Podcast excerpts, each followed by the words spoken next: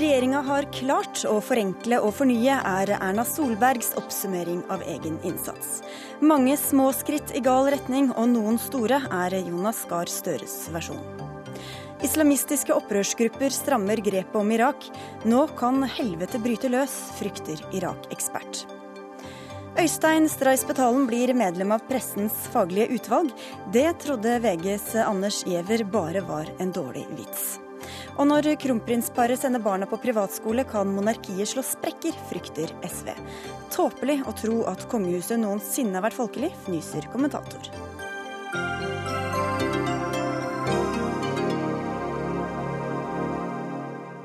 Dette og mer til får du i denne utgaven av Dagsnytt 18 i NRK P2 og NRK2. Jeg heter Sigrid Solund.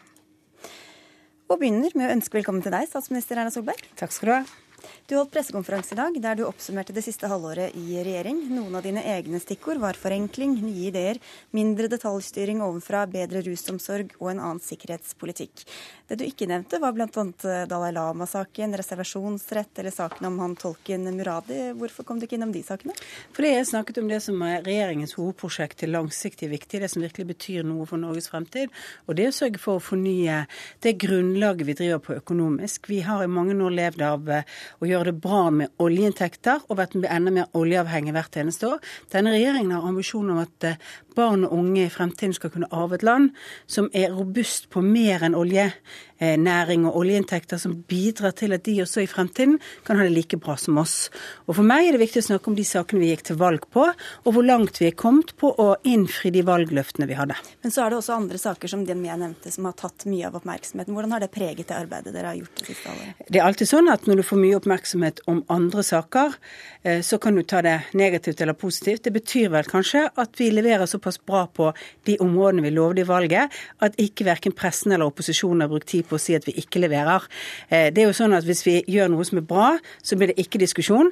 Hvis vi gjør noe som folk er kritisk til, så blir det diskusjon. Så jeg har valgt å ta det positivt. Siden denne regjeringen faktisk leverer på viktige oppgaver vi lovde i valget, så er det heller ikke vært kritikk på de områdene. Vi skal se om vi kan få inn litt kritikk her etterpå. Men du, sa, du nevnte de store reformene, og da holdt du deg også unna både lakrispiper og taxfree og ståhjulinger eller andre såkalte gladsaker fra regjeringa.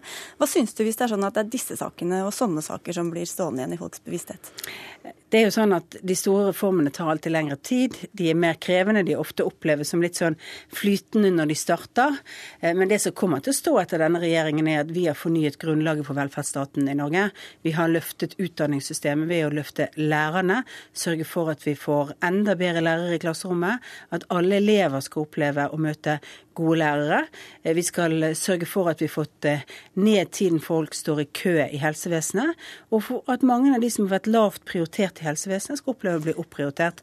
Og jeg tror at det er ofte sånn at enkeltsaker som blir litt tabloide, egentlig kan, kan, på en måte få stor medieoppmerksomhet. Men jeg merker meg liksom litt ironien fra noen om taxfree-ordningen f.eks., som sier at det vil ikke vi bruke penger på. Vel, den rød-grønne regjeringen brukte penger på å gjøre akkurat det i 2006, når du kunne bytte brennevinskvoten din i vin, og det hadde et merprovenyeffekt. Så man er jo litt morsom på bekostning at man glemmer sin egen historie da. Men, og jeg tror folket syns det er greit. De som ikke røyker, eller de som ellers, ellers som ville kjøpt en, en kartong røyk til en nabo, kjøper kanskje en flaske vin til noe. Det syns jeg også er greit, hvis det betyr at færre kommer til å røyke. Greit, men syns du det er viktig da å bruke penger på? Nei, det er ikke viktig, men det, det er ikke det går sånn utover andre, altså det er ikke sånn du ikke får fra Vinmonopolet går jo da ut. Men det er ikke sånn at alt vi gjør har like viktig langsiktig ting. Men det er faktisk greit at vi av og til så f.eks. fjerner noen lovforbud som eh, folk ikke oppfatter som reelle. F.eks. når jeg ble konfrontert med spørsmålet om eh, å tillate pokerspilling, enten turneringer eller hjemme, så tror jeg de fleste av oss vet at det foregår små pokerspill i mange familier og i mange både dame- og herrelag rundt omkring i dette landet. Som kanskje ikke er klar over at det at de putter penger i den potten, ikke er lovlig. Nå gjør vi det lovlig med små summer, og så vi et, har vi et samfunn som da ikke bryter loven ofte, fordi man rett og slett ikke skjønner forbudet. Men disse store reformene da, som du snakket om, og som du gjerne vil snakke om, eh, de må jo kanskje også de må gjennom andre partier, de må gjennom gjennom Stortinget, skal gjerne ha et bredt eh, forankret flertall. Hvordan ser du på at de da også kan vannes ganske mye, og at deres eh, stempel da blir blekere? Ja, Da gjelder det jo for oss også å argumentere godt for eh, hvorfor vi har gjort de valgene vi gjør, hvor, hvorfor modellene er som de er. Eh, I dag har vi jo vedtatt eh, i Stortinget prinsippene for en av de store kommunereformen, og der har vi fått igjennom hovedprinsippene til regjeringen. Så jeg tror det er mulig å snakke seg gjennom det. I tillegg så har vi på noen områder klare avtaler. F.eks. når det gjelder fritt behandlingsvalg, så er det en del av samarbeidsavtalen mellom de fire partiene som ønsket seg en ny regjering ved valget. Og apropos disse fire partiene, så var det altså i hvert fall to av dem, og kanskje også noen i ditt eget parti, som var veldig skeptiske til å gå inn i regjering med, Frems med Fremskrittspartiet. Tror du etter hvert at Frp kan komme på linje et, altså, med de andre partiene, og at det dermed blir mer forlokkende for KrF og Venstre etter hvert? Det var mange som spådde at det skulle bli stort borgerlig kaos eh, hvis Fremskrittspartiet kom i regjering, hvis vi skulle samarbeide med det. Det har jo hver dag etter at regjeringen tiltrådte vist at det ikke ble. Eh, Kanskje noen som er uenig med deg der, men eh, Jo, jeg tror det er få som kan si at det er noe kaos.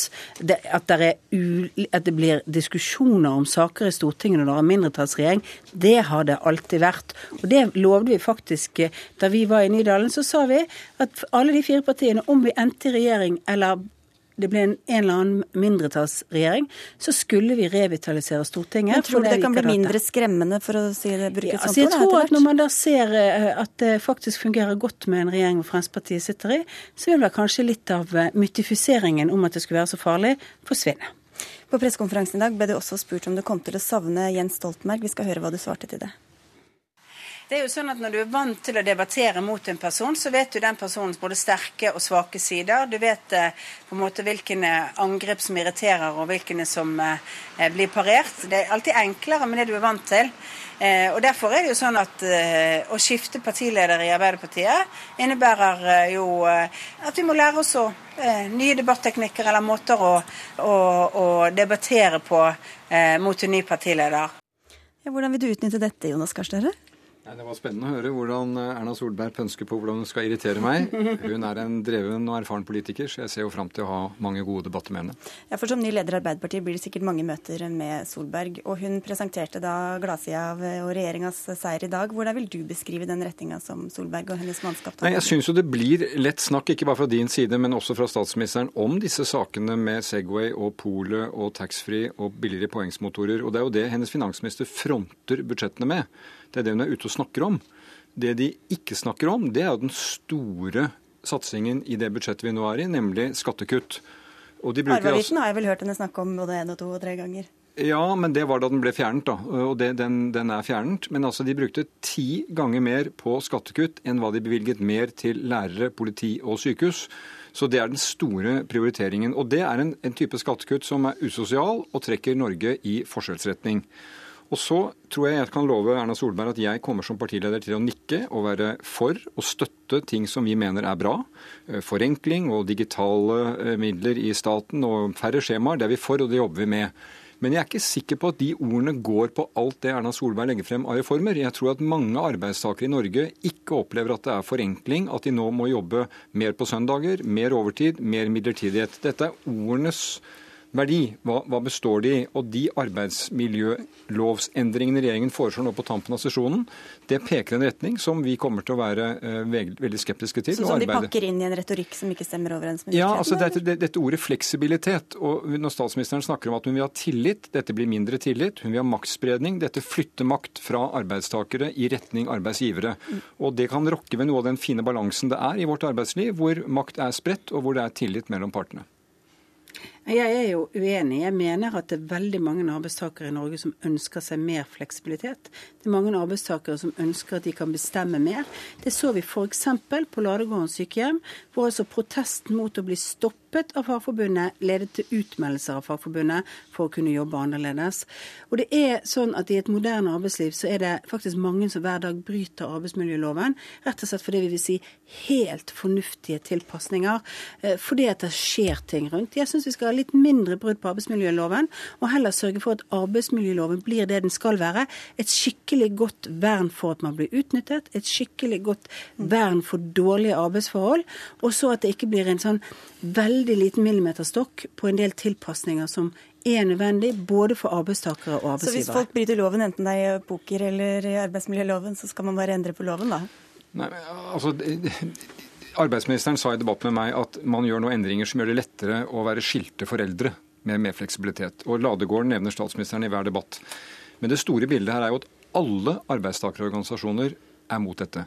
Så kan man og sier at det skal bli lettere for funksjonshemmede. Og de funksjonshemmedes organisasjon tar avstand fra dette. Erfaringen viser jo at denne type reformer, denne type grep, er veldig gammeldags. Forskning viser at det fører ikke til flere faste ansettelser, men mer midlertidige ansettelser. Sverige har gått foran på dette. De har dobbelt så mange midlertidige, og de har også dobbelt så høy ledighet. Så dette er nå, jeg, Lenge så var det slik at denne regjeringen ikke viste kort. Det tok lang tid før sakene kom. Nå begynner de å komme, og de peker i en samfunnsretning som vi kommer til å argumentere hardt imot. Den, akkurat Når det gjelder arbeidsmiljøloven, så hadde vi ganske mange runder om dette i forrige uke. Men jeg må bare spørre da også Erna Solberg, for det var Støre nevnte litt eh, retorikk her. Og Hvor mye av denne forenklingen og fornyingen og forbedringen kunne like gjerne gått under merkelappen, som ikke er fullt så retorisk tiltrekkende, kanskje, eh, privatisering? Nei, det er masse av dette som er styrking av offentlige velferdstjenester. Når jeg snakker om forbedring, så snakker jeg om at vi prioriterer rus og, eh, og psykisk helse mer innenfor helsevesenet. Vi bidrar med mer penger til det. Vi gjør det i det forebyggende arbeidet ute i kommunene. Når vi gjeninnfører PC-støtte til de med lese- og skrivevansker, så er det fordi vi vet at det å gi barn og unge en god oppvekst, det er jo ikke privatisering. Masse av de tingene vi gjør, dreier seg om å løfte velferdsnivået i Norge. Og ikke minst har vi sagt at det er hull i vårt sikkerhetsnett. Det er mange mennesker som opplever at de kan få penger av det offentlige, men de får ikke hjelp til å klare å mestre sitt eget liv. Og da må vi fylle de hullene. Da må vi ikke ha så firkantede løsninger, og da må vi være flinkere til å se hvor behovene er. Derfor har vi klar politikk på bl.a. lese- og skriveutfordringene. Vi har det i forhold til psykisk helsevern, vi har det i forhold til rusbruken, vi har det i forhold til barnevernsbarn som ikke har fått god nok utdanning. Alt dette er viktige velferdsforbedringer, og som går under forbedringer av helsevesenet, og har ingenting å gjøre med privatisering. Men alt mye av dette er ideelle målsettinger. Jeg tror hun får bred oppslutning for i Stortinget å styrke det. Men hva er realiteten ute i kommunene? Ta dette eksempelet med barnehaver. Nå blir ikke barnehageplassene fullfinansiert, men kommunene er lovpålagt å gi dem. Da må kommunene kutte et annet sted. Og erfaringen er at da kutter de på de svakeste gruppene, for det er der de har mulighet til å kutte. Så da kan vi godt sitte og si at vi skal ha mer forebyggende arbeid, mer tidlig innsats mot psykiske problemer, mer tidlig innsats for rus. Det er ikke det som kommer til å skje. De tilbudene kommer til å bli kuttet i en tøffere kommuneøkonomi. Og så er det Men levert Støre, det et nytt øyeblikk, et nytt øyeblikk, statsminister. Så er det levert forslag på en helsereform, hvor jeg har sagt at noe av det syns jeg er positivt. Men det er også forslag her som er ekstremt byråkratisk, med mer skjemaer, mer stykkpris, mer rapportering. Og hvis det er noe folk ute i helsevesenet fortalte meg da jeg var helseminister, så var det gjør noe med det. Få mindre av det og mer tillit. Og det jeg ser her, er et første tegn på at man skal altså flytte ressurser fra offentlig sykehus, både personell og penger, til private kommersielle enheter. Det er et risikospill som vi også vil følge veldig kritisk. Vi har halvert styringsmålene overfor helseforetakene, i motsetning til det som da Jonas Gahr Støre leverte de samme helseforetakene. Vi har bidratt til et arbeid nå på tidstyvene på alle områder for å få til forenklinger som gjør at man kan bruke tid på behandlingen. Men Jonas Gahr Støre kan ikke peke på kommunene når det gjelder de som har lese- og skriveproblemer. Dere kuttet PC-støtten til barn som går i skolen, og pekte på kommunene som de som skulle levere tjenesten. Det svekket tjenesten, ble mer tilfeldig. Vi mener vi må bygge opp den typen tilbud bedre, og at staten har et ansvar for at alle barn har et godt tilbud når det gjelder for å lese og skrive. Barnevernsbarna har man pekt på den forrige regjeringen pekt på ansvaret mellom de ulike forvaltningsnivåene. Vi har sagt nå tar vi et løft for det at de skal få skolegang. Det er praktisk politikk for å gjøre det bedre for de svakeste i Norge. Vi må bare inn med et annet tema også, for Arbeiderpartiet har snakket mye om hjertet de siste dagene eh, og ukene. Hva mener du Jonas Gahr Støre, om at Norge ikke tar inn flere flyktninger fra Syria, og heller ikke tar inn flere av dem med ekstra store og langsiktige behov? Nei, la meg først si at Jeg tror jeg er enig med statsministeren i at hovedhjelpen må vi gi i regionen. Eh, Jeg kjenner Libanon og Jordan veldig godt fra min tid som utenriksminister, og de utsettes nå for et drama vi ikke kan forestille oss, med opp mot en million flyktninger. Der må innsatsen settes inn. Vi foreslo at vi skulle prioritere mer penger til Syria når vi reviderte budsjettet nå midt i året. Det fikk ikke flertall. Eh, Jeg mener også at Norge burde tatt imot noe flere flyktninger, fordi høykommissæren har bedt om at eh, det er en dugnad på det området.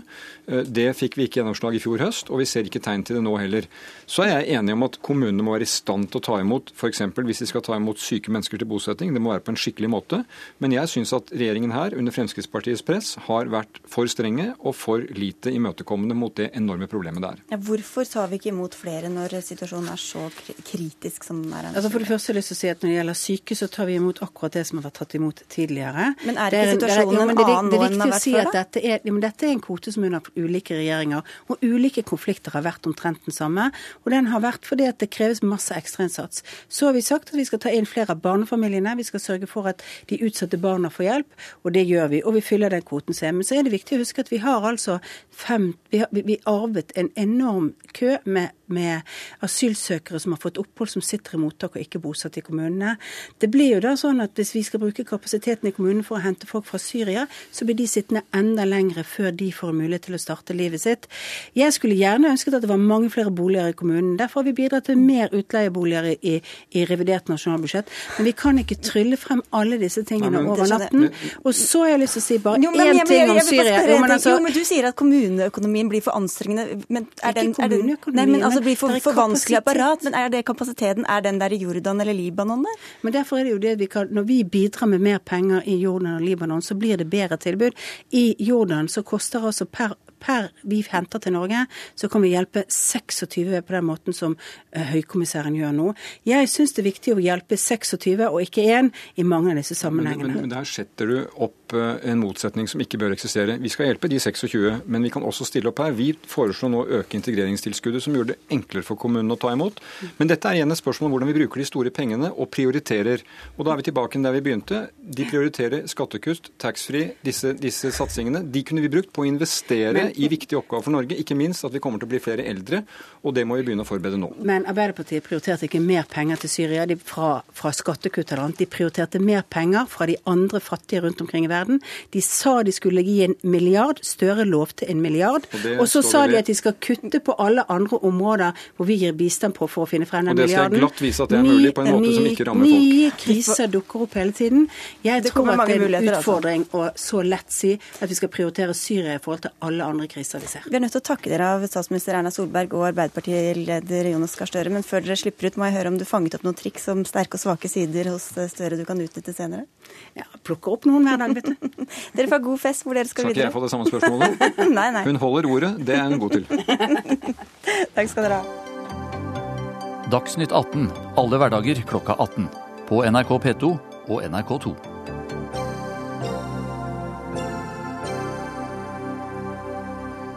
Og nå skal det handle om situasjonen i Irak, for irakiske myndigheter har bedt USA om å gå til flyangrep mot de militante ekstremistene i Nord-Irak. Irak hevder at de nå er klare til å slå tilbake. Midtøsten-korrespondent Sigurd Falkenberg Mikkelsen, du er i Nord-Irak. Hva vet du nå om den siste utviklingen? Det er ikke noe nytt at eh, Maliki-regjeringen ønsker amerikansk eh, fly, flyangrep. Det har de bedt om eh, en god stund, men amerikanerne har hele tiden sagt nei. Nå er situasjonen annerledes. Eh, ISIL rykker framover, tar store områder. Men samtidig så ser vi også at Maliki-regjeringen blir mer og mer eh, sekterisk, altså mer og mer eh, sjiamuslimske preg og mindre samlende. Så for amerikanerne er dette et dilemma. Det ble altså et oljeraffineri som ble angrepet av ISIL i dag tidlig. Hva var det som skjedde der? Dette er det største oljeraffineriet i Irak, i Beiji. Det har blitt angrepet to dager på rad. Eh, og det har vært kamper rundt der også eh, tidligere. Eh, det siste jeg har hørt, er at de rykket inn i én av delene på raffineriet, og at det også var en del av, del av dette som sto i brann. Men informasjonen rundt dette er ganske uklar. Mm. Bli med oss videre, Sigurd. Vi skal også til deg, Mohammed al-Mofti. Du er norsk-iraker og er opprinnelig fra storbyen Mosul, som ISIL inntok i forrige uke. Senest i dag har du snakket med familie og venner der. Hva er det de forteller deg? Ja, det stemmer. Eh, I dag har jeg snakket med min familie i forbindelse med dette programmet. Og tenkt for å komme med ferske nyheter til dere. Egentlig gjennom samtalen med alle som jeg har snakket med, til og med fra Mosul, Bagdad, Tikrit, andre steder. Det er felles depresjon for alle. Alle har snakket om panikk, redsel, fortvilelser, frustrasjoner, og de er veldig redde av det som kommer i fremtiden. Men hvis dere er interessert, så kan jeg fortelle dere om en som kjørte inn i byen i Mosul i dag, og hva han har sett. Mm -hmm. Det som skjedde egentlig, eh, en av mine slektninger reiste tilbake til Mosul og sier at når du kommer til byen, så det kommer en kontrollpost som er styrt av ISIL. Og det er to kilometer fra dem til eh, kurdere, og det er ikke noe sammenstøtt mellom dem. Og når man kjører inn i byen, så det er mange tanks, eh, panserte kjøretøy, eh, som blir brent, og fortsatt eh, står på gater. Eh, elektrisitet finnes ikke i byen. Det er, eh, siden, eh, det er to dager siden Vann kommer av og til, derfor de fyller tønner og kanner. De er veldig redde av at det kommer ikke igjen. De vet ikke når de får igjen. Bensin og brensel, det er mangelvare på markedet. Mange som, mange som vil ha bensin, må stå i kø. Som varer over natta. De, de, sover på gata i deres biler til dagen etter for å få mulighet for å komme inn i bensinstasjonen. Finnes ikke mer piratbensin som det var før kun det som er under kontroll av ISIL, mm. og det er mangelvare. Og derfor det er sånn lønn. Folk får ikke lønn, ikke pensjonister. Det er ikke mer lønn eller penger på bankene. Og så det er veldig vanskelig liv for alle som er avhengige av det. Mm. Be ja. ja nei, vi skal få inn en tredjeperson her også. Du er Irak-ekspert ved International Law and Policy Institute, Cecilie Hellestveit. Og nå hører vi altså at ISILs makt griper om seg. Hva slags kontroll har de nå? Altså, eh, Dette med ISILs eh, angrep mot Baji som har pågått i noen dager, det er veldig alvorlig sett fra hva slags trussel ISIL kan gjøre. Fordi at I Syria så er jo ISIL også til stede i østlige deler, og der har de tilgang på råolje. Nå har de da også tilgang på et raffineri, og de har eh, tatt Mosul, hvor du har en stor flyplass, du har flere TV-stasjoner, eh, og du har en helt annen type infrastruktur i deres hender enn det man har hatt tidligere. De har nå tatt, de har ranet banker, de har mange, mange, mye penger som de også kan betale folk med. Dette her ser jo ut som en, en terroristorganisasjon som har tatt over veldig store områder av et land eh, med en viktig infrastruktur. Og det ser veldig skummelt ut. Problemet her og da, da, tenker man seg nå kan amerikanerne komme inn, og så kan de samarbeide med Bagdad og på en måte prøve å få kontroll. Problemet her er at dette her skjer i en mye mer kompleks situasjon. For de menneskene som er på bakken i en del områder i Irak, i disse områdene som er tatt over av ISIL, de har blitt skal vi si, eh, marginalisert fra Bagdad-regjeringen over lengre tid. Så viljen til å slåss på vegne av Bagdad og risikere livet, den er sånn passelig hos en del. Mens ISIL har også inngått skal vi si, kjøpsavtaler med en del større grupper. Så det der med at det er bare en liten gruppe som plutselig har klart å ta over nesten et, et, et halvt eller et kvart land, er nok litt Eh, mindre reell enn en som så. Eh, og det er klart ISIL har eh, i mange år hatt et fotfeste i deler av Mosul, så det er en by de kjenner godt. Det er på en måte det ene delen her. Problemet med amerikanernes situasjon nå, som har på en måte blitt bedt om å komme inn, er jo at hva skal de gjøre? For hvis de går inn og bomber sunni-muslimske områder på vegne av Maliki-regjeringen, så er jo spørsmålet hvem er det de da egentlig gjør det på vegne av? Maliki-regjeringen er jo iranernes sin allierte. Og plutselig så kan det fremstå som om amerikanerne bomber sunnimuslimske områder på vegne av Iran. Det har de ikke så lyst til. Det har de ikke lyst til. Og så har vi også spørsmålet rundt uh, hva skjer med Syria-borgerkrigen og det som skjer i uh, Irak nå. Så vi får på en måte en bevegelse mot en sammenblanding. Og det er klart, amerikanerne har egentlig ikke lyst til å gå inn i, i, i den konflikten med militærmakt. Da må jeg høre med deg, Sigurd Falkenberg Mikkelsen. Hva slags eh, handlingsrom og kontroll har egentlig da myndighetene myndighetene der nå? Det er ganske lite nord for Bagdad. Eh, de mobiliserer voldsomt eh, blant eh, egne og danner jo også flere improviserte militser. Det er også en voldsom, voldsom propagandakjør på irakisk statsfjernsyn. Det går stort sett bilder og sanger av militære i loop. Men det er klart at de har et voldsomt problem, og det er ingen her som tror at myndighetene er i stand til verken på kort eller mellomlang sikt, å ta tilbake disse områdene eh, nord i landet. Ja, altså, Det er en helt riktig vurdering. Jeg tenker at I tillegg så har man da spørsmålet hva hvem er det da som skal gripe inn? Og Da har man jo alternativet amerikanerne. og Det andre alternativet er jo at Bagdad får hjelp fra Iran.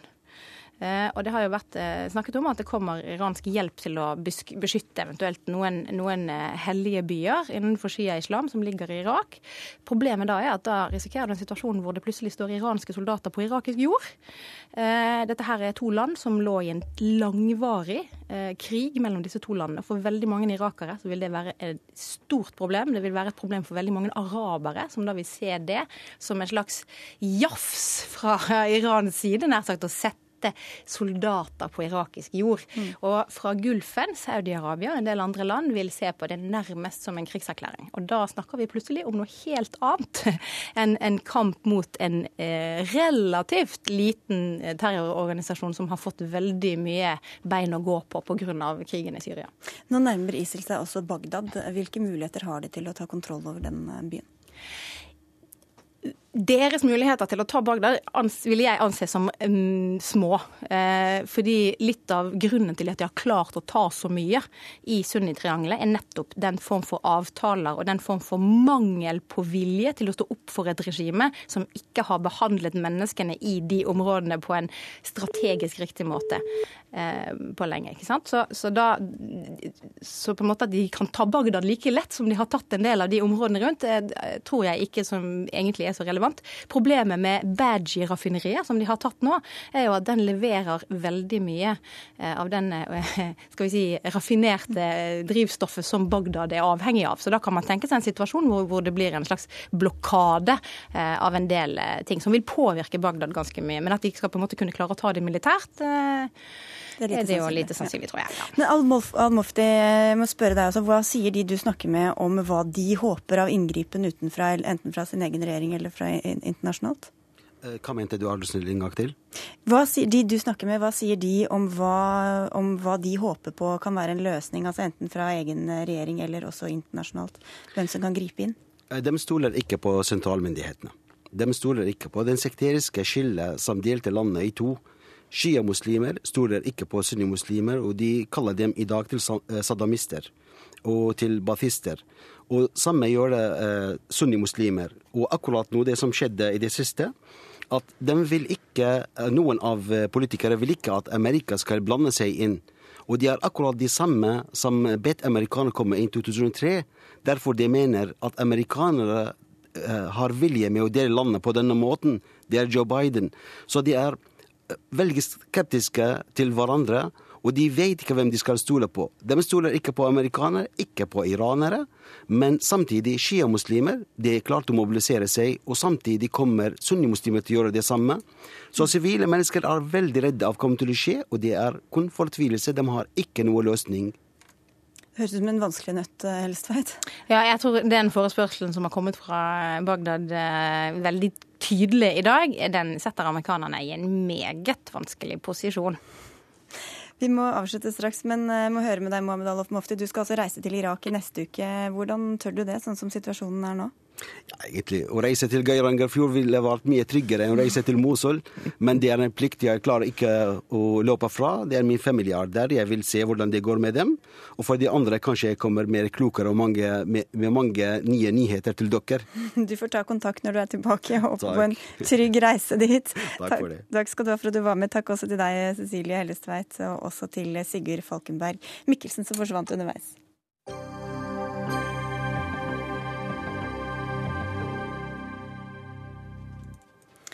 Snart spør vi hva det gjør med monarkiet at barna til kronprinsparet begynner på privatskoler til høsten. Men før det til en annen sak som også har vakt debatt, i hvert fall i pressekretser. For investor og milliardær Øystein Stray Spetalen er utnevnt til nytt varamedlem i Pressens faglige utvalg, som vurderer om mediene overholder eller bryter sine egne etiske retningslinjer.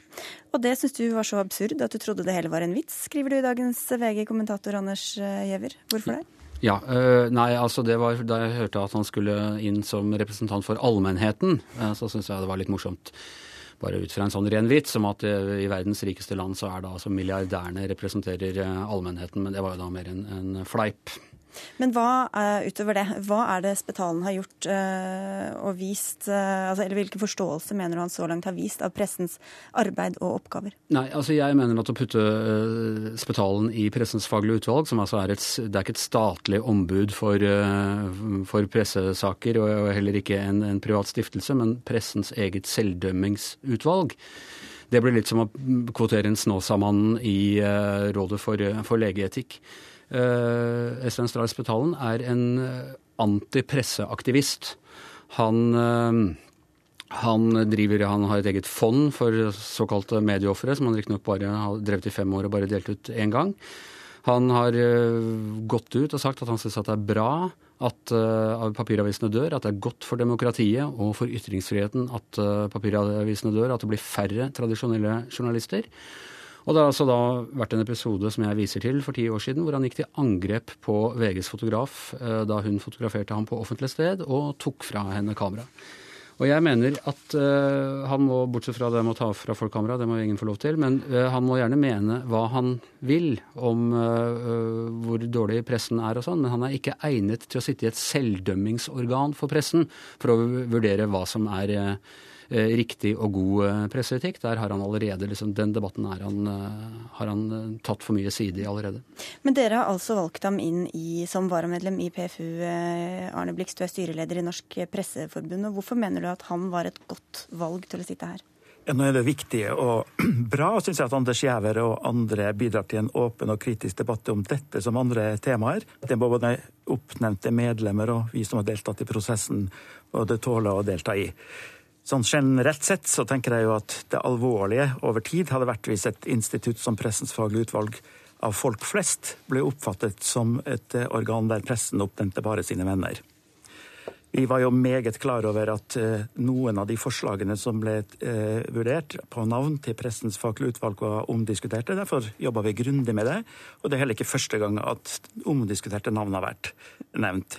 Så er det viktig for meg å understreke at det faste utvalget det består av eh, bl.a. Eh, eh, kollega Anders Giæver, Alf Bjarne Johnsen som ny leder. Meget erfaren politisk journalist. Kommer til å lede utvalget utmerket godt. Ja, Men det er ikke dem vi diskuterer nå, da? Nei, men det er nettopp det som er poenget. At det er person som er foreslått på den fjerde plassen fra allmennheten for en periode på to år som det legges så stor vekt på. Ja, men, ok, men uh, jeg må bare få si også at vi har invitert Øystein Strassbetalen, som likevel ikke kunne komme og være med oss i dag. Men til det mitt opprinnelige spørsmål til deg, hvorfor syns du han er et godt valg av alle dere kunne velge mellom? Ja, for det, uh, uh, Når vi snakker om de syv faste medlemmene, så har jo de en type bakgrunn og en type kompetanse. Og på varaplass, som er til sammen ti personer, så ser vi også etter om noen som har annen type bakgrunn, annen type inngang, som kan supplere utvalget. Og når generalsekretæren, som har den særlige oppgave å foreslå eh, kandidater fra allmennheten, hadde foreslått eh, Spetalen, så mente et samlet styre at det var noe vi eh, ville akseptere og, gå, og støtte. Ja, øh, jeg syns selvfølgelig for det det har vært, jeg synes selvfølgelig at Alf Bjarne Johnsen er et, øh, er et uh, veldig godt valg. Han er en god kollega med oss, en venn. så Det, det er debatt om ham i morgen, da. Så vi kan heller debattere hvor bra valg det er senere. Men det som jo er, er at Alf Bjarne Johnsen kan jo da f.eks. ikke sitte der når det er saker fra VG oppe, så da rykker Varan inn. Da rykker f.eks. Øystein Stray Spetalen inn. Og det jeg lurer på er hvordan Presseforbundet kan velge inn en person som er uttalt antipresse. Uttatt, eh, som gleder seg over de store nedskjæringene som nå er eh, i pressen, over at journalister skal få sparken. De aller fleste vil jeg mene, og dette er altså, jeg gjentar, i et selvdømmingsorgan, vil mene at det vil gå utover kvaliteten på, på journalistikken. Gjøre det vanskeligere for oss å drive en korrekt type eh, journalistikk. Vanskeligere å oppnå de målene som eh, Presseforbundet og norsk presse ønsker, og, og, den standard de setter seg gjennom Vær varsom-plakaten. Eh, en person som er mot dette, som mener at det er bra at uh, uh, journalistikken uh, trappes ned. Er, hvordan kan dere mene at han er egnet til å foreta disse etiske vurderingene? Ja, altså Nå har jo ikke vi gransket alle uttalelser som alle i dette utvalget eller på vareplass Dette får du på første Google-treff ja, på, på Spetalen og presseetikk. Og jeg er selvsagt ikke enig. Jeg har jobbet hele mitt liv for at vi skal ha gode og mange journalister for å gjøre god journalistikk. Men vi aksepterer kanskje også at andre har andre typer vurderinger, og jeg vet ikke om du siterer han, hele hans resonnement på det. Men hva syns du om det han har sagt? Kjenner ikke du til disse uttalelsene, Blix? Jo, jeg kjenner men om det er hele, he, alt han mener om det, det, skal, det kan i hvert fall ikke jeg sitte her og si. Jeg, jeg, kan si helt klart at jeg ikke er enig i det. Men hva er det han har sagt eller gjort så langt som gjør at dere mener at han har de rette forutsetningene til å dømme norske journalister og redaktører? Eh, eh, han har en stemme inn av en av mange, og vil selvsagt eh, aldri være den ene ene stemmen som avgjør dette. Det var ikke det jeg spurte om. det. Hva Nei. er det ved ham som gjør at dere ville ha min der? Nei, han har en bakgrunn fra bl.a. næringslivet som jeg ikke kan huske at vi har hatt i Pressens utvalg på i hvert fall veldig lenge. Og han har jo deltatt i en kritisk debatt mot mediene som det kan være interessant å høre i, en, i et stort kollegium hvor praksis har vært at man diskuterer i åpne foraer, i åpne eh, uttalelser. Og det er jo uttalelsene fra et samla utvalg som over tid er det som er viktig for PFU. Hva frykter du at hans eh, inntreden der kan gjøre, Anders Giæver? Altså, I et større perspektiv så frykter jeg at uh, Norsk Presseforbund og Pressens faglige utvalg underminerer sin, uh, sin autoritet og sin tillit, den tilliten de er avhengig av. Det er sånn i Norge at eh, vi har eh, en Vær varsom-plakat eh, som vi navigerer etter i pressen. Den er mye strengere enn norsk lov. Den ligger godt innenfor norsk lov. Du, det er brudd på Vær varsom-plakaten trenger ikke å være brudd med norsk lov. Det har fungert veldig godt, særlig de siste 15 årene under, så lenge Per Edgar Kokkvold har vært pressegeneral. Eh, norske redaktører, og dette kan Blikk skrive under på, liker ikke å bli dømt i PFU. De, vi, vi brukes mye tid i norske aviser på å banke inn etikk og regler og sørge for at, å prøve å unngå fellelser. Og vi skryter veldig når vi har, når vi har lave fellelser. Men hvis du underminerer autoriteten til utvalget og tilliten til utvalget fra oss som utøver journalistikken, hvis vi føler at dette at her sitter vi og, og dømmes av og, skal veies av folk som ikke respekterer hva journalistikk er for noe, som syns at journalister bør forsvinne fordi det er best for ytringsfriheten og demokrati, så vil den autoriteten Eh, pressens faglige utvalg har, eh, også forsvinne. Eh, redaktører og journalister vil gi blaffen i om de blir felt i PFU. Og hele, man vil heller bry seg om hva, vil heller strekke seg mot hva de grensene norsk lov setter. Og det vil være uheldig, tror jeg, for presseetikken i Norge. Hva tror du om det, Blix? Ja, det er jeg jo helt enig i. og har arbeidet for og med og engasjert meg i presseetisk arbeid i hele mitt liv. Og jeg er helt sikker på at det er viktig. Og det som er verdt å merke seg Men tror du at, at det kan det føre til det som Anne Skjever frykter? Nei, jeg er ikke redd for det. Eh, jeg har sett over mange år at eh, stort sett hele utvalget, også allmennhetsrepresentanter, kommer til eh, samstemte uttalelser i etiske spørsmål.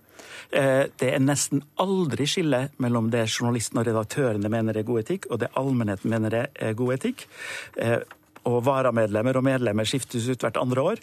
Så da er det ikke så eh, farlig, da? Er det det du sier? Om Nei, men ikke? nei, det, det, er farlig hvem som sitter der. Det er viktig hvem som sitter der, men det er viktig at det også kan være kritiske stemmer, eh, sånn at vi som er mediefolk også bryner oss på dem. Keep your friends close, but your enemies closer?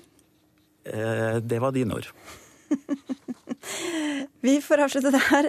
Takk skal dere ha, i hvert fall Anders Giæver fra VG og Arne Blix fra Norsk Presseforbund. Hør Dagsnytt 18 når du vil. Radio NRK.no.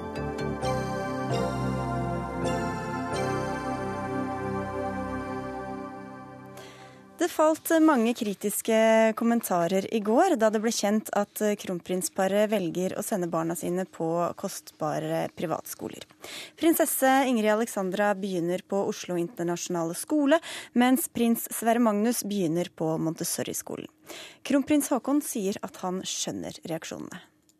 Jeg forstår at uh, folk har meninger om valget vårt. Dette har vært en vanskelig avveining for oss. Um, våre barn har hatt gode år, både på Jansløkka og på Solvang. men vi har allikevel kommet fram til denne konklusjonen nå, fordi at vi mener at det er det beste for våre barn.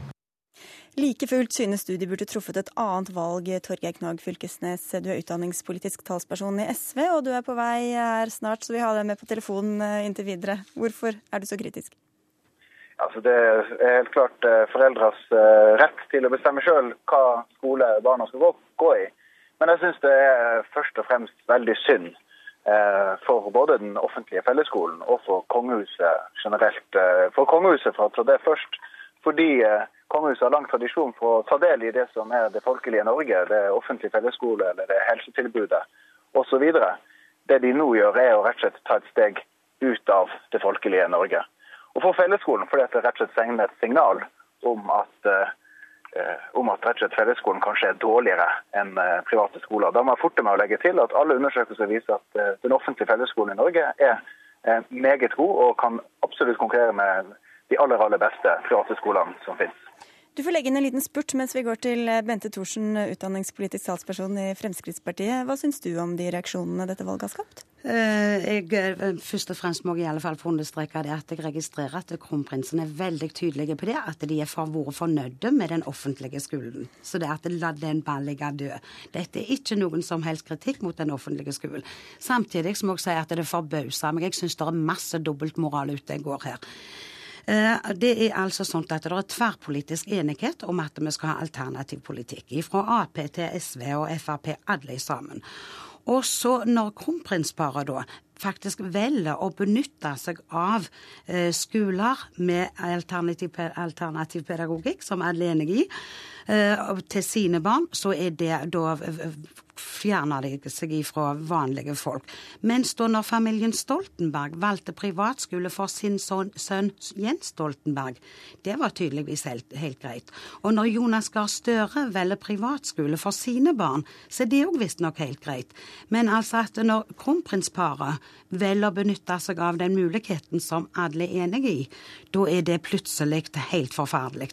Og den det syns jeg henger rett og slett ikke på greip. Men er det det samme om et kronprinspar gjør en ting, som om hvem som helst ellers gjør en ting? De, de må iallfall både som uh, kronprinspar og som, privat, uh, som foreldre må de få lov til å ta egne valg for sine barn.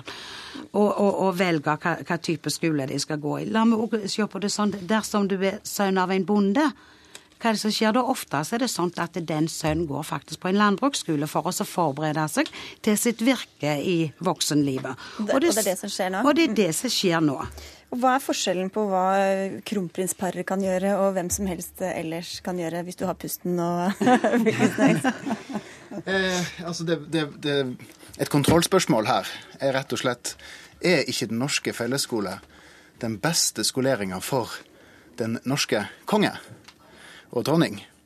Og, eh, og, det er jo det som har vært tradisjonen i det norske kongehuset. Det er rett og slett at det kongehuset har deltatt i de folkelige arenaene. De viktige institusjonene vi har i samfunnet. Skolen, helsetjenesten osv.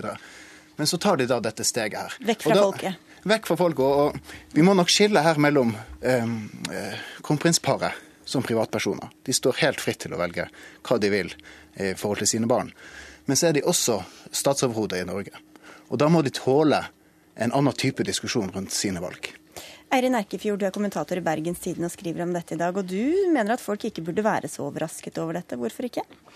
Altså her ser vi en kongefamilie som oppfører seg som andre rikfolk, og det vil jeg ikke si oppsiktsvekkende i det hele tatt.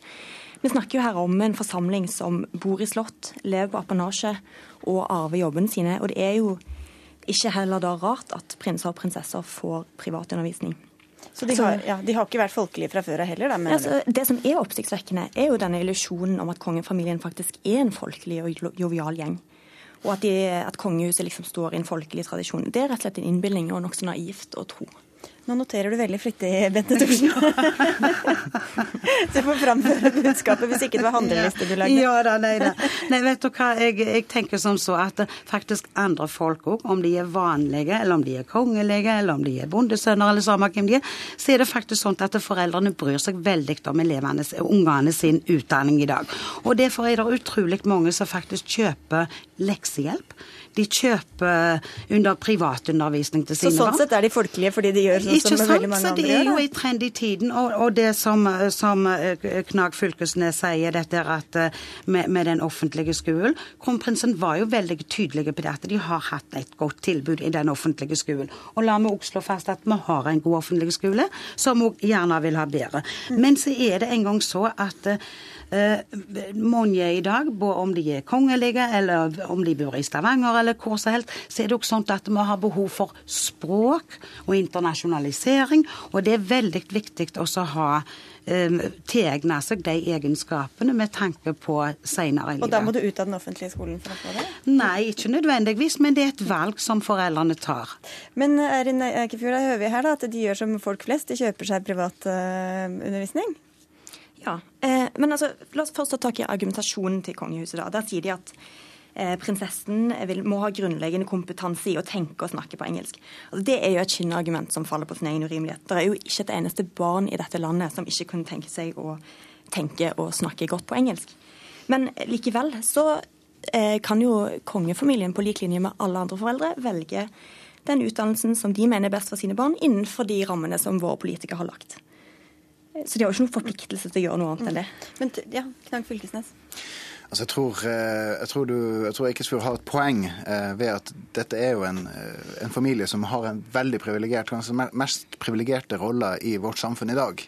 Men det er jo nettopp derfor det har vært såpass interessant at sånne, republikanere sånn som jeg har hatt sansen for denne familien, fordi at de har insistert på å også ta del i den, de folkelige arenaene. Um, så det at de nå kommer til en sånn konklusjon, at den norske fellesskolen ikke er en god nok arena å utdanne kongefamilien videre, det vitner egentlig om et, en, at det allerede har skjedd et ganske stort skille mellom hva kanskje vi betrakter som det folkelige Norge, og hva kanskje de gjør det. For jeg tenker at Jobb nummer én må jo være å være dronning for Norge, ikke å snakke engelsk i utlandet. Men hvor folkelige har de egentlig vært, da? Det er, det er, ikke så mange som har råd til å kjøpe seg de kjolene til kronprinsessen, eller leve på den måten som de gjør? Det kan du si. altså. Jeg syns jo at det er en det er jo en absurditet eh, vi har i Norge i dag.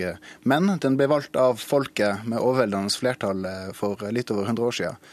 Eh, og nettopp derfor har de også hatt en veldig folkelig stil helt frem til nå. Så dette er bruddet, mener du? Dette er bruddet. Men det mener ikke du, Eikefjord?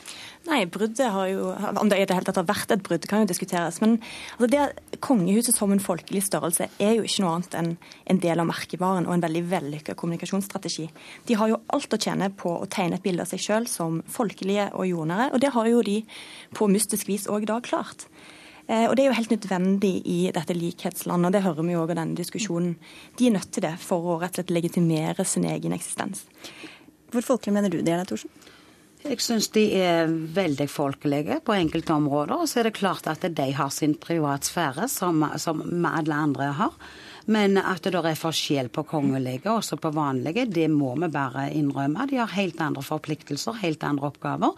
Men når det gjelder valg av skole, så er det altså sånn at de foretar et valg som er innenfor de rammene, eh, dagens rammer. Og jeg skulle, og Fremskrittspartiet skulle så gjerne ha sett at den ramma ble utvidet sånn at det enda flere foreldre og barn fikk velge den skoletypen som de hadde lyst til å gå på. Men det inn kanskje en litt, litt, litt under debatt, kanskje. Ja.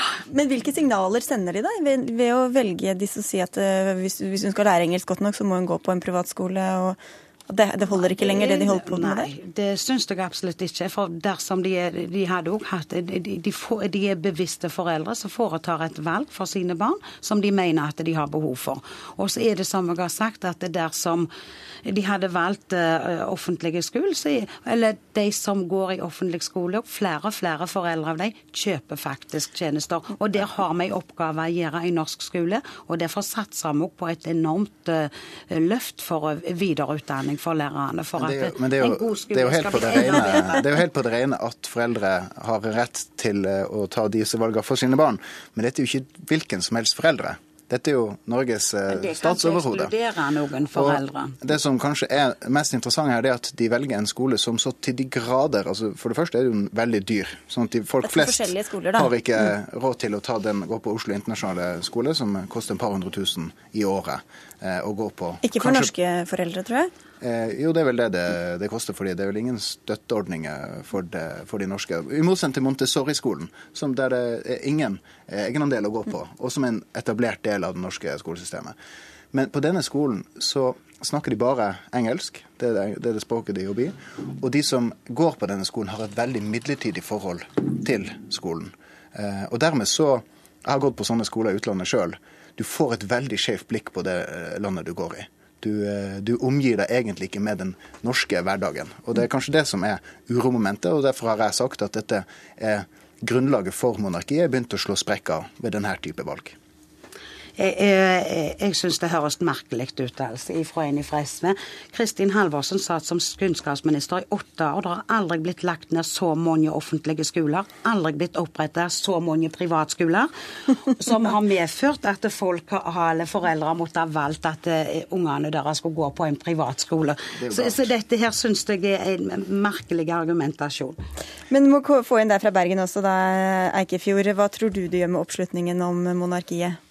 Altså, hvis eh, dette faktisk oppfattes som nok en spiker i kisten, så syns jeg det gjør det veldig godt nytt for eh, republikanerne blant oss.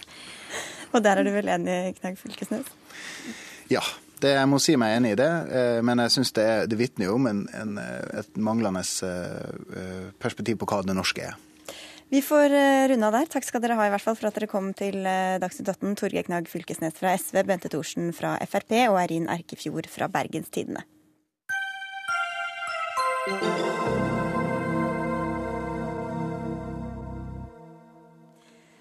I eh, ettermiddag eh, satte 200 mennesker seg ned i Oslo sentrum med en kopp foran seg i en tverrpolitisk fellesaksjon mot tiggeforbudet. Både det nasjonale, som er varslet neste sommer, og det kommunale forbudet, som er vedtatt i Stortinget. To jenter har tatt initiativet til aksjonen og har fått med seg fem ungdomspartier på laget. Blant dem Kristelig Folkepartis Ungdom, der du er leder, Emil André Erstad. Hvorfor støtter dere dette? Vi støtter det fordi vi mener at eh, det er galt å gi fattigfolk straff for å be om hjelp. Eh, Istedenfor å straffe dem, så burde vi stilt opp med sosiale tiltak til eh, utdanning og jobb. Men nå har altså regjeringen da, sammen med Senterpartiet innført et, en åpning for lokale tiggeforbud, der der fattigfolk, eh, folk som er i sosial nød, eh, rett og slett skal få straff for å be om hjelp. Og Det er, som Venstre sa, skammelig usosialt. Men nå, som du sier, så er det altså flertall for dette her. Hva håper dere da å oppnå med sånne aksjoner? Vi vet jo det at eh, I Senterpartiet så er det flertall i stortingsgruppa som er mot det. Vi vet at i en del kommunestyrer rundt omkring i landet nå, så er det mulig å og velte det flertallet som eh, potensielt har bygd seg opp. Og vi vet at det er ikke flertall alle plasser. Mm. Eh, så målet nå er å fortelle politikerne så tydelig som mulig at dette er feil vei å gå for å eh, bli kvitt fattigdom som problem. Det skal mer til for å få deg til å snu, Michael Tetzschner fra Høyre? Ja, altså jeg, diskuterer gjerne sosialpolitikk også, men dette har jo altså en ordensside. Også fordi det da uh, tiltrekker også folk fra andre land. Eh, som i dag har fri adgang. Og eh, det var jo en virkning man ikke så for seg eh, da man opphevet tiggeforbudet i 2005. Og så tror jeg man kan ta det litt rolig, fordi Norge var en rettsstat i 2005, og vi hadde en velutviklet velferdsstat i 2005. Og så trodde man at nå var man der, at de få som var igjen, kunne, kunne hjelpes. Men det man da, da så, var at Eh, vi fikk altså en pågang fra, fra utlandet. og jeg, vi må jo også minne hverandre om at i selv EU, i, innenfor EU-systemet, så har det jo innprentet veldig klart at det er nasjonalstatene som har et primær ansvar for å bygge ut sosiale ordninger til sine innbyggere.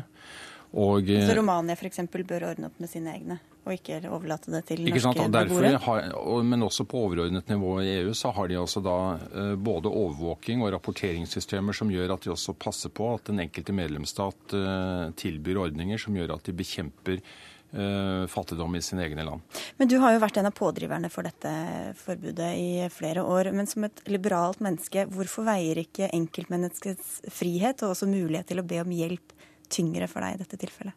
Jo, altså jeg er for uh, at man kan bevege seg over grensene.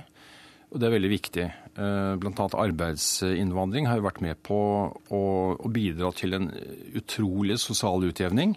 Men ikke eh, til å be om hjelp i en nødsituasjon? Jo, altså I en nødsituasjon å be om hjelp, det er ikke noe problem. Det som er problemet, er jo stasjonær tigging, systematisk tigging, og ofte organisert av bakmenn. Og det er også en del av det politiet har uh, vært inne på, at noen er jo også blitt trafikkert inn, altså tvunget inn i en uh, tiggerrolle.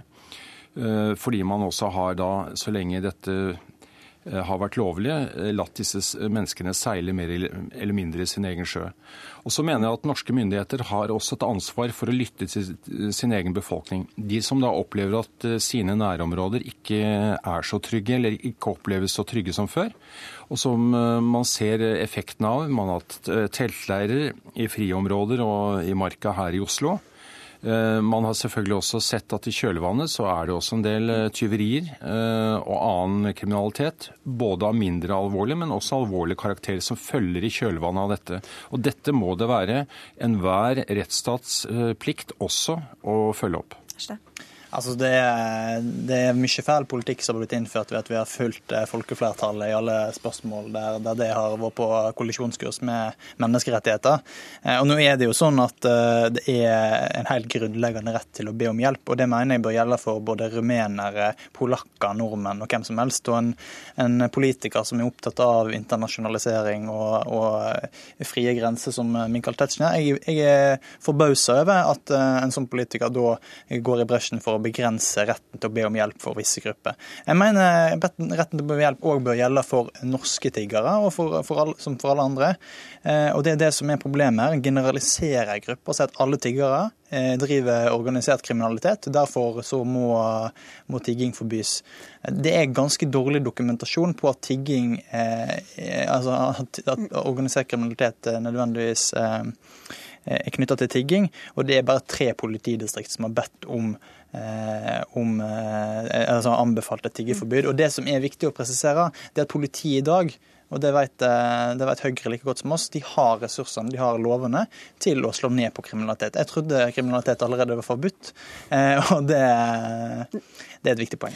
Og det er jo, som du er inne på, det er litt ulik dokument, altså bl.a. en NOVA-rapport som sier at det ikke var menneskehandel. Ja, altså NOVA har gjort seg eh, skal vi si, eh, til part i saken ved at de har, de har overlatt dette til én talsperson som stadig har vært på jakt etter argumenter som har støttet den ene siden, og som i og for seg har eh, stilt forskningen i litt miskreditt. Vi prøver ikke å fornærme noen men, som ikke er til stede. Men vil bare deg bakmennene. Hvis vi prøver å referere hverandre litt korrekt her, så har ja. vi aldri sagt at alle tiggere er kriminelle. Men vi ser at veldig mye av tiggingen er organisert. Jeg sier ikke at all tiggingen er organisert. Veldig mye tigging medfører også høyere tall på annen kriminalitet, hvor man faktisk også kan ved innreise til landet, når man spør uh, i stikkprøver hvorfor kommer du, så kan de si tigging. Ja, det er vel eh, lov, og dermed blir dette et legalt uh, oppholdsgrunnlag. Mens selv i EU så er det sånn at man må uh, velge om man kommer som turist, som arbeidssøkende eller som studerende. Mm.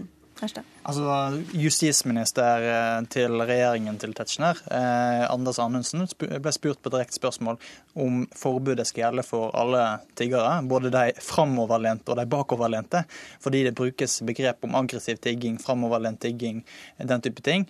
Eh, og han svarte at alle skal straffes.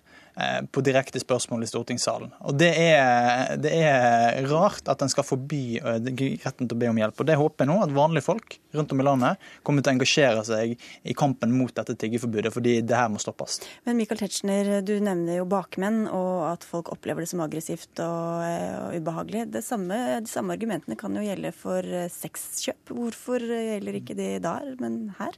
Ja, Nå har man jo også gjort uh, visse erfaringer når det gjelder sexkjøpsloven. og Da får jeg da etterlyse konsekvensen hos uh, venstresiden. Kanskje ikke Kristelig Folkeparti en del av den, men det, ikke ennå, men etter hvert Det, det, det Det er ofte de samme som, som da skal kriminalisere uh, sexkjøp, som er et eldgammelt fenomen. Jeg mener at vi også kan se på visse sider ved politivedtektene der som forsvant ut med badevannet eh, da Men jeg bare lurer på hvorfor argumentene gjelder i det ene tilfellet, men ikke i det andre? Eh, fordi eh, salg av seksuelle tjenester, det, der har det alltid vært et innenlandsmarked. Det som er nytt med tiggingen, er jo at det er Det er ikke det nå lenger, der kommer det jo fra mange land, da. Ja, men Det er også et innenlandsmarked som er øh, slik at det bidrar til den etterspørselen. Og Det er ikke så entydig som du sier at det er ren import. Men det er selvfølgelig en del, og det ser vi at dette har også sammenheng med trafficking. At det er de samme organiserte stiene inn til Norge, og så er man litt fleksibel på hva man gjør når man kommer frem. Du får 20 sekunder på slutten her, Erstad. Altså det er, Regjeringen her var opptatt av frihet for enkeltmennesket. og Det er disse to partiene her, som Frp og Høyre, som har frihet som, som som gjennomgangstonen i sine program, og da skal ikke den gjelde for de svakeste. Og det, jeg får mistanken om at det tiggerforbudet da skal fungere som et renovasjonstiltak, og det er, det er en skammelig usosialt. Da har du sikkert et motargument klart, men det rekker vi dessverre ikke å ta med, Michael Tetzschner. Men takk for at du kom, og takk også til deg, Emil André Erstad, for Dagsnytt 18 er over for i dag.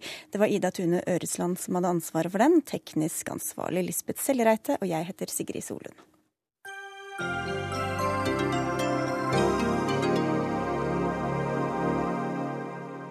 Hør flere podkaster på nrk.no podkast.